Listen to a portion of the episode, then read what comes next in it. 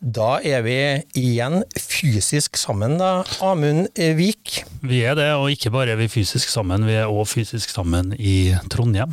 Eh, vi er på Folkets hus. Eh, av folket og for folket, som det står eh, på døra utafor her. Ikke ulikt denne podkasten, faktisk, som også er av folket for folket. Av vanlige folk, og det er som kjent vår tur nå. Vi har jo kryssa grensa her, er på vei videre nordover i landet etter å ha vært veldig langt sør i Europa. Og du er en eh, snart tur på hjemlige trakter? Jeg er det. Jeg er her eh, på ferie med de to eldste barna i Trøndelag noen rolige dager, så det passa jo veldig fint at vi var på samme sted eh, nå, og at det ikke bare eh, var vi det, men også så var det tilgjengelig et podkaststudio vi kunne låne for å spille inn podkasten. Og vi må jo berøre litt av de tingene vi har holdt på med i siste. Vi har spilt inn to intervjupodkaster, en med Tarjei Skirbekk om de moderate folkepartiene i Europa, med særlig vekt på Spania. Og du har snakka med Federico Santo, Santi. Jeg har det. Jeg syns jo begge de to intervjupodkastene var uh, kjempespennende på, på hver sin måte.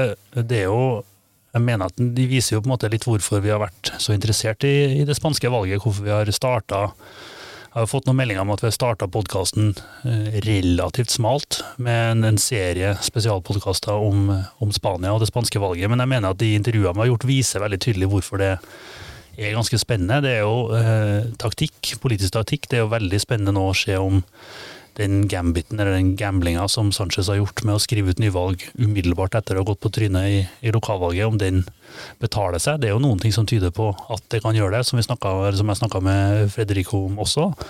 Og så syns jeg jo ditt intervju med Tarjei fint illustrerer hvordan dette passer inn i en liksom større historie om hva som skjer med de brede folkepartiene i Europa, hva slags konsekvenser det har, og ikke minst tenker jeg hvilke partier som følger i i vaken av at de partiene trekker seg tilbake og får mindre oppslutning.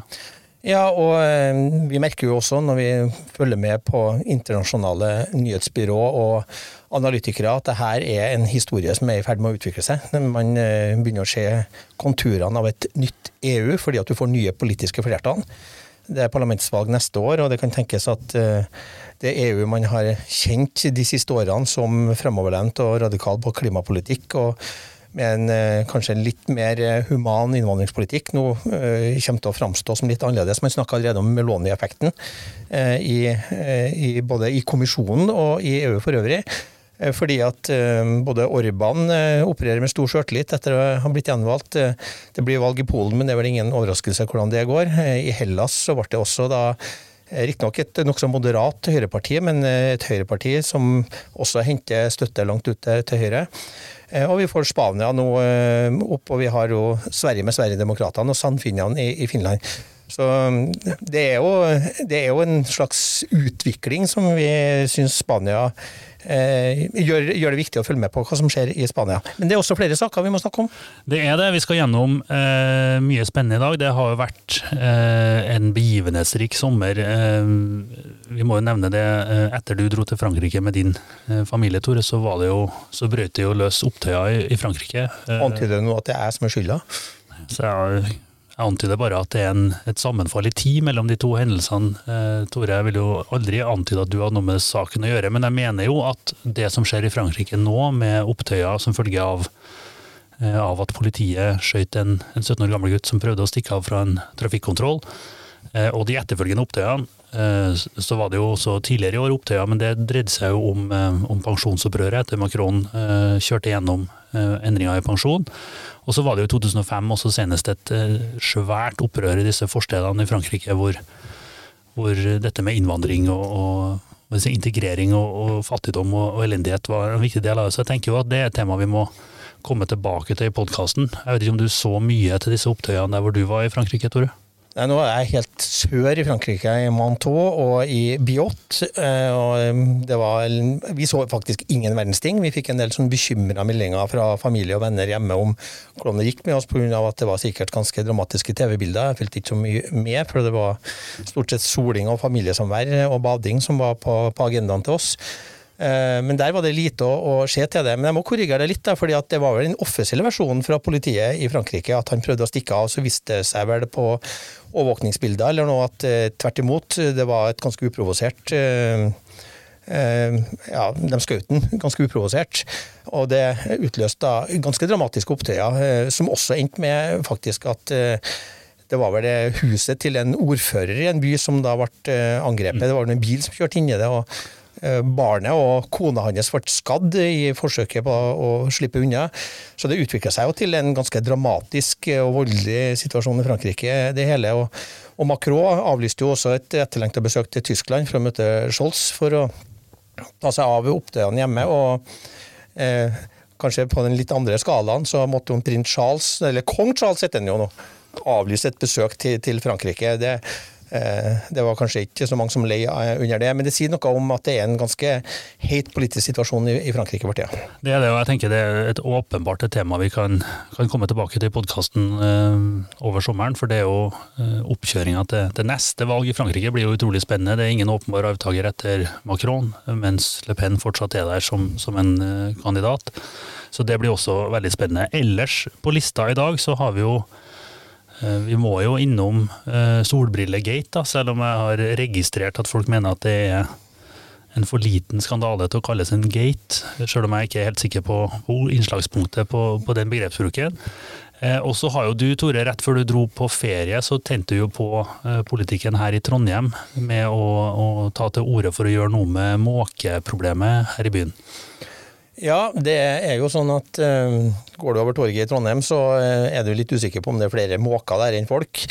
Uh, og etter hvert så kommer det til å bli mindre folk, sånn som situasjonen er. Men det utvikler seg også til å bli et nasjonalt tema. Da. Jeg var jo til og med med på Dagsnytt 18 fra Biot um, og, og diskuterte det her med Tommy Reinås fra MDG, som da sitter i fylkestinget sammen med meg, knytta til måkeproblematikken. Men det skal vi vel komme litt mer tilbake til. Eh, men det er helt sånn, det er, det en snakkis i Trondheim, eh, og jeg vet også en del andre kystbyer i, i Norge, at uh, måkene har rømt fra sine naturlige habitat.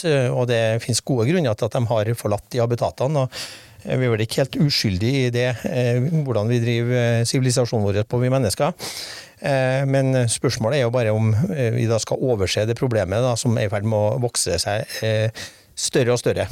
Mm. Nei, jeg har jo eh, kjent på kroppen opptil flere ganger dette med eh, måker både her i byen og for så vidt i, i Oslo også. Og eh, min liksom såreste historie med måker er jo når jeg i valgkampen i 2017, som, som for de fleste lytterne av denne podkasten som vel er oversnittet politisk interessert, husker at hvor Arbeiderpartiet befant seg i litt sterk sidevind her, i vending i, i, eh, i den valgkampen, så var jeg etter og Jeg må vel innrømme det nå på podkasten at det var litt sen kveld dagen før, så hadde jeg stotra meg over bort på Jernbanetorget for å hente meg en, eh, en baconpølse for å trøste, trøste mine sorger både over meningsmålinger i fritt fall og, og hodepine i stor vekst. Så kom det rett og slett en måke over skuldra mi og tok eh, tok pølsa ut av hendene mine før jeg tok tatt en bit, og så så jeg liksom bort på måken, og så så han bare på meg med litt sånn olmt blikk, før han bare kasta pølsa opp i lufta, og så svelga hele greia uh, hel.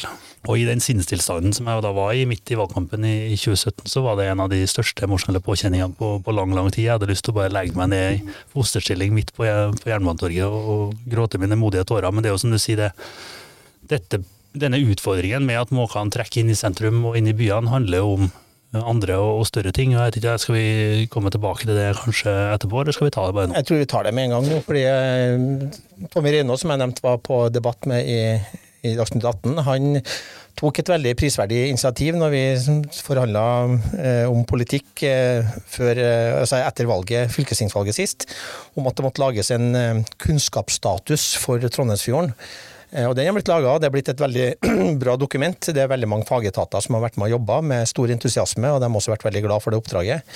Både Miljødirektoratet, Statsforvalteren, fylkeskommunen og, og flere har, har, vært med på å utarbeide den kunnskapsstatusen.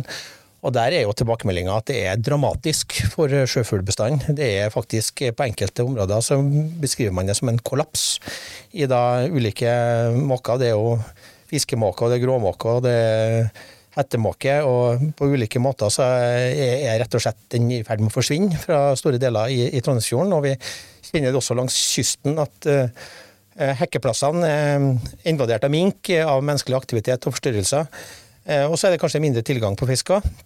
Noen sier at det er fordi at man ikke lenger får kasta fisk over bord uh, for kystfiskeflåten. Det er jeg litt usikker på, det har ikke jeg nok kunnskap om. Men det er ingen tvil om at det er dramatisk for sjøfuglbestanden. Og det man skriver i kunnskapsstatusen, er at man ikke vet helt hvorfor det har forsvunnet. Mm. Uh, og det, det, må man ha bedre kunnskap om, og det må vi selvfølgelig gjøre noe med. Det, men det du har rymta frampå om her i, i trøndelagspolitikken, og, og sågar for en mer nasjonal, eh, et nasjonalt publikum, er vel at svaret på den utfordringa ikke kan være at de kan flytte inn i, i bysentrumet, alle disse måkene? Nei, jeg tror ikke, vi, jeg tror ikke liksom, eh, måten man skal berge sjøfuglbestanden på, er at du skal etablere et måkereservat på Trondheim torg. Eh, da blir det vanskelig å, å leve et normalt byliv der og ellers andre plasser i byen. Eh, og Det er såpass plagsomt nå at folk har det som tema. Det er en snakkis. og det er ikke ulevelig på torget, men det er utrivelig på torget til tider. Og så tenker jeg vel også at for, for, for måkene som vi har vel i framtida, så kan de vel ikke leve på boller og hamburgere og pølser det, eh, og matrester på torget. Og det jeg tok til orde for, da, for å si det, det var jo det at jeg mener Jeg forstår ikke hvorfor ikke Trondheim kan eh, lage et uh, bøteinnslagspunkt for uh, dem som mater fuglene. Eh, nå har jeg en, eh, en, kompis i politiet som mente at de kanskje har nok å gjøre om ikke de skulle springe etter folk som, som, som mater måkene. Men eh, jeg tror jo det har, det har, en slags preventiv virkning. Det henger jo Jeg vært gjort oppmerksom på det av en Svein Otto Nilsen fra fra Pensjonistpartiet at det henger noen skilt eh, rundt omkring i byen der det står 'ikke mat', 'hjelp oss å holde byen ren', 'ikke mat fuglene'. Men de skiltene de er jo så små og så plassert sånn at du får jo nesten en marsipangris hvis du finner dem, eller du kan være med i sånn, sånn rebusløp, at eh, det er nesten ikke mulig å få tak i dem. Og Tanken min var jo det at eh, kanskje skal man sette litt makt bak de kravene for å ha litt sånn preventiv virkning. Fordi at det, er jo sånn at hvis, det, hvis man er enige om at det er et måkeproblem i, i, sentrum av byene, så kan man kanskje da prøve å unngå at de mates. Man gjør jo en del andre tiltak, men å mate fugler du ikke vil ha der, det eh, Vi må gjøre mange tiltak for å ivareta måkene, kanskje lage mateplasser rundt omkring, har noen foreslått. Det finnes sikkert noen som har tenkt på det her internasjonalt, eh, så det skal jeg prøve å følge opp litt, da, men det er jo Trondheim kommune først og fremst som jeg har appellert til om at no, ja. det blir verre og verre, det blir ikke bedre og bedre. Nei, og det, det, er jo som du sier, vanskelig å se for seg at det blir bedre av at folk eh, mater disse, disse fuglene. Også. Men, eh, men jeg, jo, jeg, må jo si at jeg, jeg tenker at politiet kanskje har andre ting å, å drive med, men det, det, er jo en problemstilling. Jeg har jo vært, eh, gikk over torget i går og opplevd dette på, på nært hold. Men dette er jo heller ikke første gangen du mater sommervikarene i norske aviser med opprør om, om måkepolitikk. Det har du jo gjort en gang tidligere. Og... Ja, da var jeg kanskje litt mer ubetenksom. Det er over ti år siden. Men da, da ble det altså så, så, mye trusler i ettertid at jeg har holdt munn en stund, men så har det blitt verre siden da.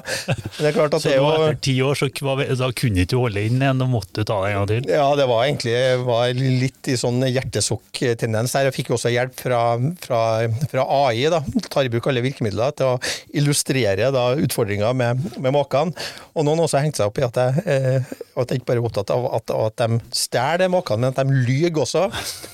Eh, men eh, ja, Det er litt fristende innimellom å, å mate agurksesongen i, i media til å ha noen kvikksaker å holde på med. Ja. Eh, men det finnes viktigere ting eh, å drive politikk på. og eh, det har vi også tenkt å snakke litt om i dag. Vi har det, men først så skal vi jo forbli i sommer det man kan kalle et slags sommertema, i hvert fall solfylte omgivelser her i studio. Vi må jo innom den saken som har vært på alles lepper nå i i noen uker. og Jeg var jo litt bekymra for at vi rett og slett ikke skulle rekke å være i, på samme sted i tidsnok til å gjennomføre en podkast om dette solbrilletemaet. Eh, for at det rett og slett skulle finne sin, sin, løsning for det, men det har de jo ikke gjort. Dette, her har man jo valgt, eh, bare for, for, å oppdatere lytteren, altså, så er det jo sånn at lederen av partiet Rødt, Bjørnar Moxnes, rett og slett ble ferska i å stjele et par solbriller på Gardermoen her for noen uker siden. Eh, og valgte så En ting er å stjele solbriller, en annen ting er jo at han valgte jo en, en håndteringsform eh, som andre har prøvd eh, før den, som handler om å, å først ha én historie, og så gradvis i, i babysteps bevege seg i retning av, av sannheten gjennom en, en, ukes tid med intens eh, mediedekning. Og vi starta jo på en forglemmelse og endte opp på en, en beklagelse over å rett og slett ha stjålet disse solbrillene. Og det er jo det har jo vært noen, eh, Nå har jo ikke han gått av, og det, det kan vi jo snakke litt om uh, dynamikken i. Rødt er jo et lite parti. det er 5,8% på siste måling som, som, stemmer på Rødt. Så hvis du tar med dem som ikke stemmer, så er det jo en forsvinnende liten andel av den norske uh, tilgjengelige velgermassen som stemmer på Rødt. Så det er jo et parti som er vant til å ha utrerte synspunkt, valgt, vant til at det kommer, at det stormer fra, fra mainstream media, for å si det sånn.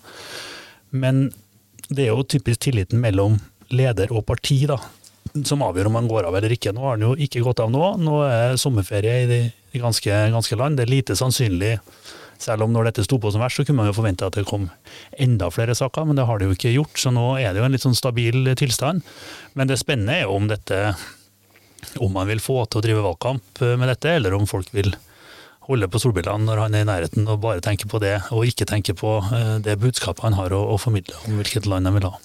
Ja, Du har vel også antyda at man kanskje får et norsk nyord? altså Videreutvikling av tjuvradd begrepet tjuvraddis? Jeg tror jo at det, hvis, det virkelig, hvis dette fortsetter å bli diskutert, så jo, mener jeg ordet tjuvraddis eh, ligger godt an til å bli eh, Språkrådets nyord for, eh, for 2023. Men det er spennende. Det kom en ny måling nå eh, tidligere, altså rett før helga, eh, som viser null endring for, eh, for Rødt. Det ble jo både endring og, og, null endring blir jo dekt som om det er major news, men det er klart at uh, det er vanskelig eh, i alle sammenhenger å stole på målinger som er tatt opp i juli. Det er vanskeligere å få respondenter, og dem du får uh, av en eller annen grunn viser seg å være vanskeligere å bruke statistisk. Men det er ganske tydelig at det er velgerne til Rødt syns ikke at dette er det aller viktigste akkurat nå. og det er jo vi snakka om dette tidligere òg. Altså Rødt, som, som jeg sa i stad, Rødt er jo vant til å være på sida. De er vant til å sitte altså Bjørnar sitter inne i et lite telt og, og roper ut til omverdenen om alt som er vondt og vanskelig og fælt. Og dem som, som i, i, juli måned i Norge mener at Norge må gjennomgå en stor og transformativ endring, eh, lar seg kanskje ikke vippe av pinnen av, et skarve, skarve, par Hugo Boss solbriller som er stjålet på Gardermoen. Men det er klart, dette vil jo spille seg ut gjennom kommunevalgkampen. Ja, og så tror jeg også vi skal ha med oss at uh, det, lages, det er laga mye god humor eh, og mange gode memes på RR. og Det tror jeg det, det, må man nok finne seg i, men det har jo også en menneskelig side. at Det samla medietrykket, og også dem som går over grensa, uh, gjør jo at man skal ikke se bort ifra at man også etter hvert får sympati. Mm. Fordi at, si at hver enkelt av, av, de store mediene som dekker dette, og dekker det med god grunn, Eh, så blir det samla medietrykket så stort. Og det går sånn også på integritet og person at det blir vanskelig å forholde seg til. Og jeg tror nok også folk eh, på et eller annet tidspunkt syns at det ble litt mye. Mm. At det kan være greit å spøke med, og at det er greit å, å dra opp det alvoret i den situasjonen, og ikke minst at forklaringa endrer seg underveis. Men det er også noe med, med toppolitikere. altså at Eh, det går inntil en viss grense, og så kan det bekke over. og Så må man på en måte forholde seg til saken som den er, istedenfor å, å gjøre det til noe mye verre og spekulere i, i veldig mye andre psykologiske bakenforliggende årsaker knytta til det.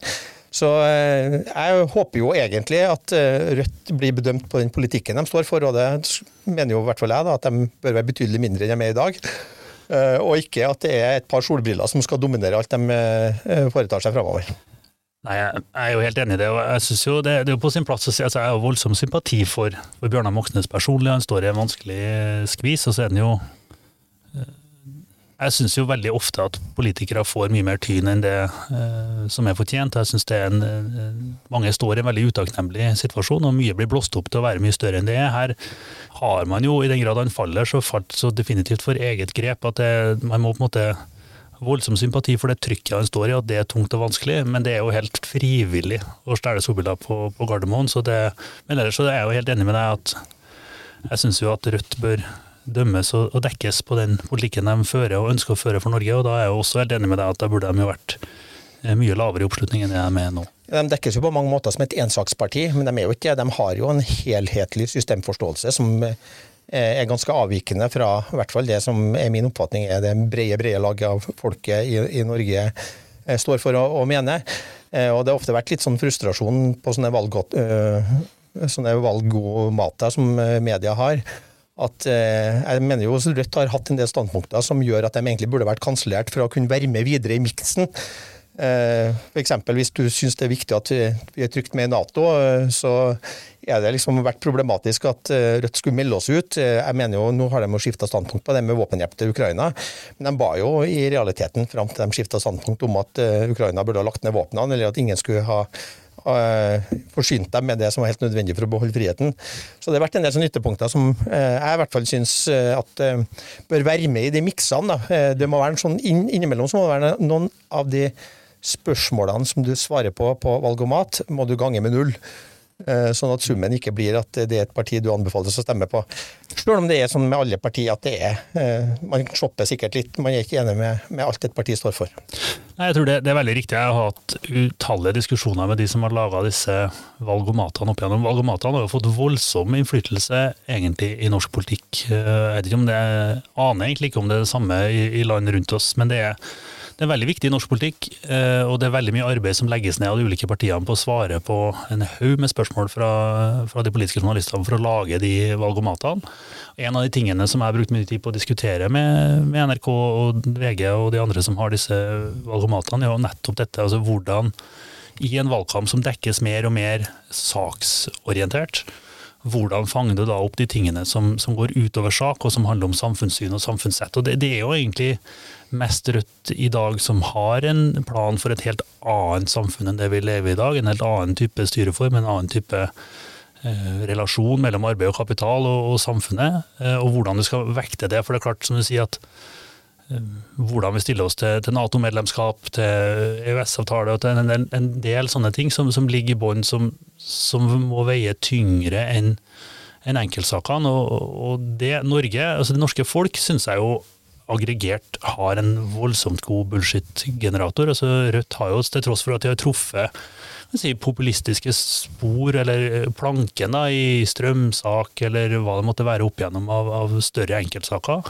så har de jo ikke vokst så mye som et enkeltsaksparti kunne gjort. Og det er jo nok fordi at det norske folk værer at her er det her er det større ting eh, enn akkurat dette standpunktet. Men jeg mener at det blir jo noe vi kan, vi kan kanskje dra inn en valgomatprodusent hit eh, når det nærmer seg kommunevalget og snakke om hvordan de gjør dette, men det, det, er, det er noe som lugger med Rødt, og det er ikke bare at de er i hvert fall lederen har stjålet et par storbiler. Men det får vi komme tilbake til. Nå har vi jo ytterligere ting på Vi kan jo si det da, om kommunevalgmålinga, den siste nå som kom i, nå i juli, før vi virus, at det ser med dette temaet, at det ser veldig stabilt ut. Det er lite endring for noen partier, egentlig. Arbeiderpartiet snaut opp, Høyre snaut ned. Ellers så er de aller fleste endringene, eller alle endringene egentlig, når jeg ser på dette, innenfor, innenfor feilmargin, selv om det ikke har hindra noen journalister noen gang i å, å lage krigstyper og overskrifter, så er det i hvert fall sånn at Norge i juli ser veldig likt ut som Norge i juni, og det er jo mange av våre venner rundt i det ganske land i Arbeiderpartiet som skulle ønske at vi var høyere opp, men det er i hvert fall sånn at det, um, det ser likt ut som det gjorde før sommerferien kom, også for Rødt, til tross for skandale. Men da tenkte vi vel at vi skulle ta en runde rundt i, i verden rundt oss. Det har jo vært eh, utvikling der. Eh, nordmann i, i sving på et svært viktig møte som foregår nå i disse dager, Tore? Ja, Jens eh, har jo egentlig virkelig nå igjen da, trådt fram på den eh, internasjonale arenaen med å ha spilt en nokså sentral rolle i at Erdogan og dagen før toppmøtet i Vilnius eh, nå forteller at eh, han kommer til å fremme for eh, nasjonalforsamlinga et forslag om at Sverige godkjennes som Nato-medlem. Og det er jo en verdensbegivenhet på mange måter. Det, å, det påvirker Europa, det påvirker stabiliteten. Og det påvirker selvfølgelig også Norge i veldig stor grad framover. Eh, og jeg si at Jeg er jo imponert over den innsatsen Jens gjør. Eh, det har jo også Siden sist vi snakka sammen, så har jo eh, Jens tatt en, et år til. Og det til tross for at det var en del kandidater som var kasta opp i lufta, så endte det vel med at jeg tror Joe Biden prikka Jens på, på skuldra og sa at du må fortsette et år til. Og det er sikkert fordi at situasjonen er dramatisk, og kanskje også fordi at man ønsker å få landa denne saken med Tyrkia og Sverige. Eh, men også fordi at man er i en kritisk fase i, i krigen i Ukraina. Det er, det, det som sier, Dette er jo en, en, global hendelse av kjempestore dimensjoner. Det endrer jo hele eh, alliansestrukturen i, i, vår del av Europa. Vi har gått nå fra for halvannet år siden, to år siden, til, fra en situasjon hvor Norge var den nordligste, den eneste Nato-landet oppe i vårt hjørne her, til at både først Finland og så nå Sverige da, antageligvis kommer inn som medlem i Nato. Det er klart det, det gir store endringer i alliansepolitikken i vår del av verden, og gir også store konsekvenser for Norge, norsk forsvarspolitikk, hvordan vi posisjonere oss, og, og både på, på, materiell- og utstyrsfronten og på, på, det mer taktiske. Så det er klart det, det er et annet Verden ser annerledes ut nå eh, enn den gjorde før, eh, før dette. Og det, jo, det, har jo også eh, de som ønska Jens en, et år til, fått valuta for pengene i aller høyeste grad ved at dette nå ble avklart på, ved starten av dette toppmøtet. Så De andre temaene på toppmøtet er jo mangeslungen, og også de har jo konsekvenser for Norge. Særlig dette med nye forpliktelser på, eh, på budsjettfronten og på hvor mye man skal bruke på forsvar. og Her har vi jo hatt en, en stor diskusjon om, om forsvarskommisjon og, og, og, budsjettmidler og sånne ting som, eh, som, ruller og går. I tillegg til at eh, det store temaet på, på toppmøtet er jo hva Nato skal mene om Ukraina og ukrainsk medlemskap. og der Nå tar vi opp denne podkasten på på tirsdag ettermiddag Trondheims tid. og det er klart, det vi vet jo ikke helt hva enden på visa blir, men vi vet jo at det kommer til å være noen formuleringer rundt det, og at det kommer til å bli noen formuleringer rundt at, at dette 2 %-målet eh, skrives tydeligere inn, og ambisjonen om økte forsvarsbudsjetter i hele alliansen kommer til å styrkes. Ja, det har jo vært sånn at det har vært et 2 %-mål. Og man har jo i god tid før toppmøtet egentlig antyda at dette blir et gulv. Og så har jo da Norge Vi har jo varsla at vi skal opp på 2% Den eh, fikk vi for et par måneder siden eh, beskjed om fra regjeringa. Men så kom jo også Forsvarskommisjonen og forsvarssjefens fagmilitære råd etterpå. Og eh, det de beskriver, er jo at 2 absolutt er et gulv, fordi at vi må nok lenger opp hvis vi skal ivareta de forpliktelsene vi allerede har vedtatt at det norske forsvaret skal levere på. Det trengs store investeringer knytta til sjømakta eh, i Norge, for at vi skal kunne være egen herre i våre eh, havområder. Eh, som er viktig ikke bare for Norge, men ikke minst for Storbritannia og for USA. Fordi verdens største atomvåpenarsenal befinner seg på Kola-halvøya. Og Der er også nordflåten til russerne, og der er også de strategiske ubåtene og angrepsubåtene til til Russland. Og det som er med nordområdene, er jo at Barentshavet er veldig grunt. Der er det mulig å lytte seg fram til og oppdage de her ubåtene når de er på vei ut. Kommer de ut i Atlanterhavet på store havdyp, så er de borte som nåla i høystakken. Og ikke minst så er det strategisk viktig, det som var strategisk viktig i den kalde krigen, det man kaller for GIUK-gapet. Det er gapet som er mellom Grønland, Island og UK. Fordi det der skal forsyningene fra USA komme. Der skal kontrollen over nordområdene befinne seg. Og Russland eh, er jo avhengig av å etablere det de kaller for bastionforsvaret, for å sikre da utløpet for sine ubåter og for Nordflåten. Og det bastionforsvaret går dessverre langt inn i Norge, og derfor er jo også Finnmark viktig. Så det, Der kommer Norge til å stå opp i store dilemmaer, for det krever enorme investeringer, viser Forsvarskommisjonen, og det krever også mye høyere driftsbudsjett i, i Forsvaret. Eh, så det kommer til å være et tema som kommer til å prege norsk politikk. og der i hvert fall jeg håper at man finner brede forlik. Eh, at ikke minst Senterpartiet, Høyre og Arbeiderpartiet finner sammen som et slags grunnlag for en enighet om hva nivået på norsk forsvar skal være. Hvordan vi forholder oss til våre allierte i Nato knytta til det. Og hvordan vi ellers møter da de behovene vi har i Forsvaret når det gjelder mangel på ammunisjon, mangel på folk. Eh, og da ikke minst eh, noe av det som har vært litt skrivere om, nemlig eh, luftforsvar. Vi har jo kun luftforsvar over kampflybasene våre. Vi har ikke over eh, Østlandet, sentrale østlandsområdet. Og vi har ikke forsvar mot det som kalles ballistiske missiler, altså de som skytes rett opp og detter rett ned. Det har ikke Norge forsvar mot, heller ikke på, på kampflybasene våre. Og Det er dyrt, og det er vanskelig å få tak i, for at nå har veldig mange Nato-land gitt bort våpen og forsvar til Ukraina. Eh, og det er lange da, ventelister på bestilling av nytt uh, militært utstyr. Så det her, er, det her, kommer til å prege norsk politikk. Jeg anbefaler jo også folk å høre Forsvarskommisjonen på podkast hvis man ikke da leser den.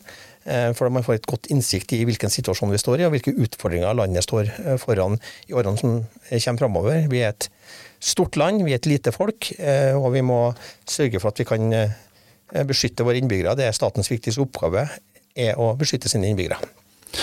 Ja, dette er jo veldig interessant, og dette er jo et tema du har satt deg, eh, satt deg godt inn i også. og Det er jo et tema vi, vi vil vende tilbake til også i denne podkasten i tida som kommer. Jeg tror jo i likhet med deg, og også for så vidt i likhet med Jonas, som vel har vært ute med en lignende eh, invitasjon eller oppfordring til Stortinget nå, da, at her, dette er jo et sånt tema hvor det er viktig for nasjonen at de store, brede partiene finner sammen og danner et grunnlag som kan stå seg i i mer enn en stortingsperiode. Eh, og det, det, tegner det jo til å, å, bli, men det betyr jo også at si, alle sider må, må, holde seg for god for å lage veldig til partipolitikk oppi disse forsvarspolitiske og geopolitiske spørsmålene, som har mye å si for vår framtid utover det partipolitiske, og ikke minst utover denne stortingsperioden. Ja, og det, tror jeg, og det som er grunnen til det er viktig, at det her skjer jo i dyrtid, mens alt blir dyrere, også forsvarsmateriell. Samtidig som vi skal passe på norsk økonomi, så ikke renta tar av og skaper store belastninger i, i hverdagsøkonomien for folk og for, for, bedrifter. Så her kreves det rett og slett en dugnad, en bred politisk dugnad, som også Forsvarskommisjonen inviterte til. Den var tverrpolitisk sammensatt, og de klarte å komme fram til omforente løsninger. Men jeg vil også si at det her påvirker jo også det kommer til å påvirke norsk lokalpolitikk. For Vi går jo nå inn i en periode hvor vi skal da gi innspill til det som kalles Nasjonal transportplan, som er den samla samferdselssatsinga i Norge. Der har vi hatt veldig stort fokus på nord-sør-aksene i Norge. Eh, nå må vi også ha fokus på øst-vest. For når Sverige nå kommer inn, så blir også Østersjøen nærområde. Eh, og skal man bygge da troverdig avskrekking, som er poenget med bl.a. Nato-medlemskapet og kunne komme Sverige til unnsetning, så må det også være veier inn til Sverige for Nato-styrker. Her i Trøndelag er vi jo vant til med at vi har forhåndslager for ca. 20 000 soldater fra US Marine Corps, der vi kan ta ut det materiellet når de kommer oss til unnsetning. Men skal du over til Sverige, så er både jernbane og vei for svakt. Og Nato har pekt på fire havner som ble særlig viktige for mobilisering av alliert støtte inn mot Sverige og Finland. Fordi Man kan ikke bruke Østersjøen, for der har du Kaliningrad med Russland, og Russland er tungt til stede også i Østersjøen. Det er eh, Esbjerg i Danmark, det er Göteborg i Sverige, det er Trøndelag, og det er Ofoten, med selvfølgelig jernbanen over til Kiruna. Og Man snakker nå i Trøndelag om at man kanskje skal ta imot oppimot 100 000 US Army, British Army og andre allierte armeer. Og de kommer jo ikke til fots, de kommer med store, uh, militær, tungt, stort, tungt militært utstyr. Og skal det fraktes på de veiene som vi har øst-vest uh, her, så, så holder ikke det mål. Vi kan liksom ikke dra en tanks på dresin over til Sverige på, på Meråkerbanen, eller det svenskene kaller for Atlantbanene. Eh, men det å mobilisere inn mot Sverige og spredning nord-sør i Sverige blir en viktig del av forsvarsstrategien. Og Det kommer til å bli krevende i Nasjonal transportplan, for der stiller jo alle sammen med den bunken vi hadde fra før, med massevis av tiltak eh, nord-sør i landet, og små og store veier og havner eh, som vi ønsker å få gjort noe med, og jernbane. Så det blir en tøff prioritering. Så jeg er veldig glad for at Jonas også understreka på vei til Vilnius at dette kommer også til å påvirke de måtene vi da lager Nasjonal transportplan på framover, og at vi må ta hensyn til beredskap i mye større grad. Og selvfølgelig også da sivil utnyttelse av den beredskapen i fredstid. Bare for å nevne det, hvor viktig det er. Skal vi da få de disse troppene over til Sverige, så er det ikke bare snakk om at de skal over dit, men du skal også ha åpne forsyningslinjer. I Ukraina så bruker de nå 5000 artillerigranater per dag ved fronten. Da må man ha åpne forsyningslinjer fram dit. Så man må ha åpne forsyningslinjer for at et sivilt liv skal fortsatt uh, fungere med næringsliv og for folk, men også for å kunne etterfylle med forsterkninger. Så det her blir et viktig tema framover som kommer til å påvirke norsk politikk. Dessverre, vil jeg si, uh, men vi har tatt ut en fredsgevinst på 1000 milliarder beregna Forsvarskommisjonen i de årene det var nødvendig å ta ned Forsvaret, for det var fred og fordragelighet i verden. Men nå er vi dessverre inne i en ny situasjon hvor vi militariserer samfunnet i større grad.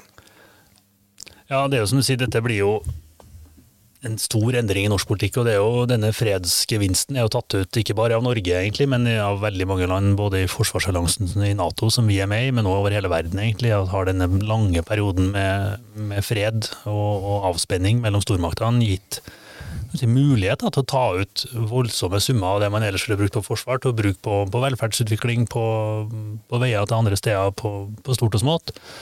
Eh, og nå må den si, forsvarsdelen inn igjen i beregninga, og det vil jo fortrenge mye. Og det blir som du sier, veldig viktig å få bred tverrpolitisk enighet om, om, hvordan det gjøres, så det ikke svinger så mye fra, fra, fra periode til periode.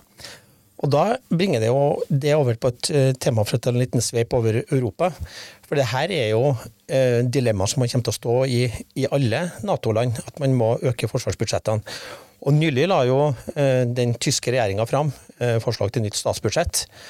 Og det var, det var smalhans på en del områder.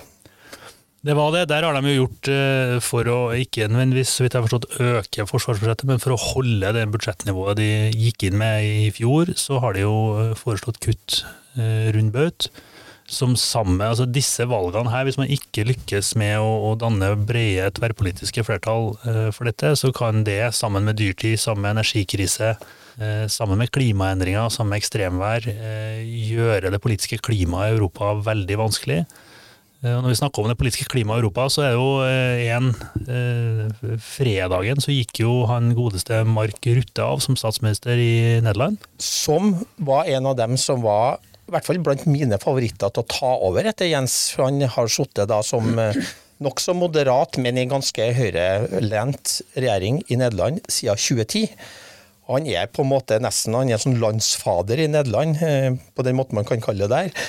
Eh, men han eh, har nå varsla at han skal slutte med politikk, og han sa også at han ikke var interessert i å bli Nato-generalsekretær, for han skulle gjøre noe annet når han da var ferdig som statsminister. Han er jo en av Europas lengstsittende statsministre. Han har beskrevet uh, i en del internasjonale medier de siste dagene som si, limet mellom statslederne i Europa. Det kommer til å ha konsekvenser tror jeg, for det bredere samarbeidet at han gir seg, men det var jo innvandringsspørsmålet som gjorde at han ikke klarte å holde sin koalisjon samla. Det er jo en, en erfaring som jeg tror det har vært turbulent i norske regjeringskonstellasjoner opp igjennom akkurat innvandringsspørsmålet. Fremskrittspartiet gikk jo ut av regjering med, med Høyre uh, på innvandringssaken den gangen. Uh, og her nå ser vi at Rutte ikke klarte å holde sin koalisjon samla. Det er jo uh, skrevet ut, eller det skal være nyvalg til høsten i år. i november. november. Så det er noe vi må, må dekke. Det er jo Rutte har vært en effektiv uh, statsleder. Han har jo gjort en del ting i, i etterkant av finanskrisa sånn, som, som, man ikke kan kalle sosialdemokratisk politikk, men han har jo en koalisjonsregjering som består av, av litt ulike, både unge, fremadstormende politikere og andre, så det blir veldig spennende å se hva som skjer der. Det som er sikkert, er jo at det sosialdemokratiske partiet i Nederland har hatt en stri turn de siste eh, fem-seks årene. Altså, hver gang nå eh, tidligere når jeg har møtt folk fra det nederlandske sosialdemokratiske partiet, så har jeg fått inntrykk av at det er de eneste to ansatte i det partiet jeg møter. Eh, men der har det vært De ble most, faktisk, i et parlamentsvalg først for så det, det, nå, det, De gikk veldig dårlig nå i valget sist, og så gangen for der så gikk det jo enda verre. Da tapte de jo Gikk fra 23 og, og ned til ensifra oppslutning på, på ett valg. Tapte 360 grader rundt seg til alle andre partier. Eh, og der har vi jo eh, altså Jeg kjenner en del, og, og du kjenner folk som, som, kan mer om nederlandsk politikk enn det, enn det vi gjør nå, men det, blir, det er en spennende diskusjon. fordi der har jo nederlandske Arbeiderpartiet, det sosialdemokratiske partiet, posisjonert seg litt klønete i ulike koalisjonsregjeringer, gjort en del ting etter finanskrisa som har vist seg å være vanskelig. Men nå leter jeg etter den balansen mellom si, eh, det veldig liberale, progressive og det litt mer verdikonservative, og prøve å treffe en planke som de til nå ikke har truffet. Men det som er sikkert, er jo at det blir et mye mer spennende valg i Nederland enn det har vært på en stund når Rutte går av, og at det vil ha konsekvenser for det vide europasamarbeidet. Ja, det er vel sånn at det er vanskelig å se for seg andre åpenbare statsministerkandidater, sånn som situasjonen er per nå. I hans eget parti er det nesten ingen rundt den som peker seg ut, og det er heller ikke i de andre partiene. Eh, Nederland har jo et proporsjonalitetssystem i sine valg der at eh, alle kommer inn eh, hvis de har stor nok oppslutning. Du har ikke noe sperregrense. Det gjør at du får veldig mange partier. Du får veldig fragmenterte oppslutning i, i valgene. Eh, og det er jo nok å minne om at eh, den regjeringa Rutte nå da går av ifra, eh, den som har sprukket, de brukte jo ti måneder på å sy sammen den regjeringa etter forrige valg. Og noen har jo tenkt som så at han skal nå sitte til november, og så skal han sitte til man blir enige om en, ny regjering. Og hvis det er like brokete, eh, den forsamlinga som skal fylle nasjonalforsamlinga i Nederland etter det her valget, så kan vi jo komme i en situasjon at den blir sittende som sånn caretaker i mange, mange år framover. Eh, men eh, det er jo også litt interessant at det er en sprekk på innvandringssaken i en periode hvor det ikke er så stort tema akkurat nå, innvandringssaken i, i Nederland. Men den ligger og ulmer, og det ser vi jo også i, i flere deler av Europa at man forventer jo nå at nå kommer igjen da flyktningstrømmene, de øker på. Ukraina ligger i bunn. Og så øker det på også fra den tredje verden pga. klimakrisa, pga. matvarekrisa. Eh, og pga. uro og konflikt i kjølvannet av det, selvfølgelig. Så det her kommer nok til å prege det europeiske kontinentet i flere valg framover. Men kanskje vi skal oppsummere litt ekstra også på det som jeg syns var interessant fra Spania-diskusjonen din med Santi. Vi har jo klødd oss i hodet over hvorfor i all verden Sanchez utlyste her nyvalget. Eh, men Santi, Federico Santi sa jo noe som var interessant. At eh, som du snakka om i en tidligere podkast, så er, det valgsystemet i Spania som det belønner jo da eh, størrelse på parti. Og Samtidig spekulerte jo i om at Sanchez sin tanke var at man skulle få samla venstresida ved å gå ut og bruke Vox mm. som hoggestabbe. Og det har man jo fått med samlinga av det som var eh, Podemos har jo nå samla seg med flere venstresideparti til eh, Sumar. Eh, og det kan gi at de får bedre uttelling i valget. Men foreløpig er vel ikke målingene akkurat sånn eh, at det går veien vi ønsker i Spania? Nei, Foreløpig så er vel relativt close call, men med eh, de fleste observatører mener at det ser ut som PP kommer til å, å stikke av med seieren til slutt. Men det vil jo da bli, ref dette med Rutte, en, en koalisjonsregjering med enorme interne spenninger, bl.a. på innvandring, men i spansk kontekst også på på integrasjon av Spania, på Catalonia, på, på, en del spørsmål som, som, vi komme, som, vi skal komme tilbake til i podkasten, men som gir store interne eh, spenninger. Så det du får nå eh, mange steder, er jo at, som jeg snakka om med Federico, men som også vi har snakka om, er jo at du får si, moderate, konservative partier som drar med seg mer ytterliggående høyrekrefter inn i regjering, som gir si, iboende, ustabile koalisjoner eh, i møte med noen av de største utfordringene som vi politisk har møtt eh, på mange generasjoner. og det, Den dynamikken kan bli veldig eh, interessant fra et podkastperspektiv, men veldig ugrei for, for kontinentet i tida som kommer. Ja, og vi har jo snakka om de store dilemmaene som ligger i dyrtid, med inflasjon, med økende renter, med at man nå skal ta ned budsjettene som man overoppheta under covid-perioden, man brukte imot. og så eh, med energikrisa og klimakrisa liggende på det, så skal du ta Det er mange store, vanskelige politiske valg som skal tas. Og den polariseringa som Tarjei snakka om i intervjuet, podkasten med han, den ser vi jo nå kommer til uttrykk, og det blir vanskeligere å finne helhetlige løsninger. For det blir sånn enten-eller-valg. Og klart at uh, Vox uh, i Spania den vokser nok mye pga. den separatismen som ligger i Spania, i Catalonia, i, i Galicia og i, oppe i Baskeland. Uh, og de vokser i protest mot det, selv om de også er et innvandringskritisk parti. fordi at den spinninga øker også, som gjør det vanskeligere. Så de moderate folkepartienes fall, som Tarjei har skrevet bok om, som vi anbefaler, og som han også snakka om i den eh, intervjupodkasten som vi hadde med han, som jeg anbefaler folk å høre, eh, hadde jo det i seg at man klarer å finne mer helhetlige, samlende løsninger. Men når man ender opp i enten-eller-valg, så blir det også lett sånn at det blir mye symbolpolitikk og mye skarpe skillelinjer, og vanskeligere å finne helhetlige løsninger på, på de store dilemmaene som kontinentet står overfor eh, framover. Ja, nei, da har vi jo eh og det uh, oppsummert Spania litt. Det blir jo uh, valg i Spania 23.07. Uh, før det rekker vi kanskje å smette inn noe mer Spania i, i podkasten, men det som i hvert fall er sikkert, er at vi kommer tilbake og diskuterer valgresultatet når det foreligger i Spania 23.07. Vi har jo diskutert litt fram og tilbake om vi skulle gå helt for en sånn valgvake, men vi fant vel ut at det kommer til å, å skremme vekk de, de få lytterne vi, vi har på denne podkasten. Men det er klart, det er spennende som skjer. Det er spennende som skjer i Spania, i Nederland, det som skjer i Nato. Er, vi lever i en, et Europa hvor det er veldig mye som skjer, og mye som har store regionale konsekvenser. Jeg snakka jo med, med, Federico også om de si, potensielle europeiske konsekvensene av en mer ytterliggående høyreregjering i, i Madrid. Eh, som kan få store konsekvenser for det indre eh, si, samholdet og strukturen i Europa, når, nå, når Europa nå i fellesskap skal møte store, komplekse utfordringer. Denne podkasten her, Tore, har jo hatt eh, et, en stor rekkevidde. Fra eh, Måsa, solbriller, eh, til Nato, eh, Nederland, Spania. Men det viser jo bare også bredden i det som er politisk interessant da, i, i Norge og verden rundt oss. Nå skal vi dra uh, på ferie igjen på hver vår kant uh, og kommer tilbake med flere podkaster gjennom sommeren. Vi har en ambisjon om å ligge på en podkast i uka uh, til tross for at vi avvikler ferie nå i denne perioden.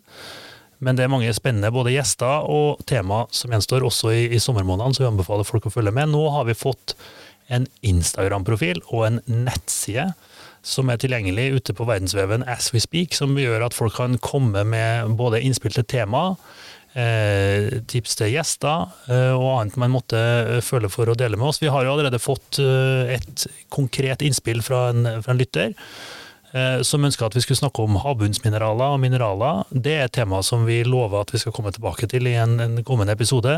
I dag kom jo IEA med sin sånn Critical Minerals Review, som viser noe av behovet for mineraler i det grønne skiftet. Regjeringen har lagt fram en stortingsmelding om havbunnsmineraler. Eh, vi har flere kjente, både jeg og du Tore, som, som kan snakke kvalifisert om, om, dette temaet. Så det har vi tenkt å komme tilbake til. Men vi ønsker jo gjerne at folk skal komme med tips og, tips, tips og triks og, og forslag til, til, både gjester og tema. Så skriv på Instagram eller skriv eh, oss en melding på den plattformen hvor vi finnes tilgjengelig. Så tar vi det gjerne opp. Ja, og bare for å følge opp litt på det med kritiske mineraler, så var det jo også nylig et BBC-oppslag om at eh, verdens største fosfatreserver var funnet i et felt i Norge. Det er jo kjent for dem som er opptatt av det fra tidligere, men nå eh, sier det også litt om oppmerksomheten at Europa, som da intenst jobber for å få tilgang på kritiske mineraler, det er også sikkerhetspolitikk, det er velferdspolitikk, det er økonomisk politikk. Eh, så det temaet skal vi nok få dekka grundig framover også. Kjempebra. Da gjenstår det bare å si takk for at dere tok dere tida til å høre på oss. Igjen, denne podkasten ble spilt inn eh, tirsdag ettermiddag i, i Trondheim i ferien. Så kommer vi tilbake gjennom sommeren med flere episoder. Takk for nå.